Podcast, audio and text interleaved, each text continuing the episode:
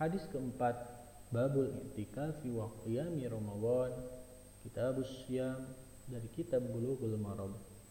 Wa anha radhiyallahu anha qalat kana an-nabiy sallallahu alaihi wasallam idza arada an ya'takifa shalla al-fajr thumma dakhala mu'takafahu muttafaqun dan dari Aisyah radhiyallahu anha juga dia berkata biasanya Rasulullah Shallallahu alaihi wasallam apabila ingin beriktikaf maka beliau sholat subuh kemudian masuk ke tempat iktikafnya.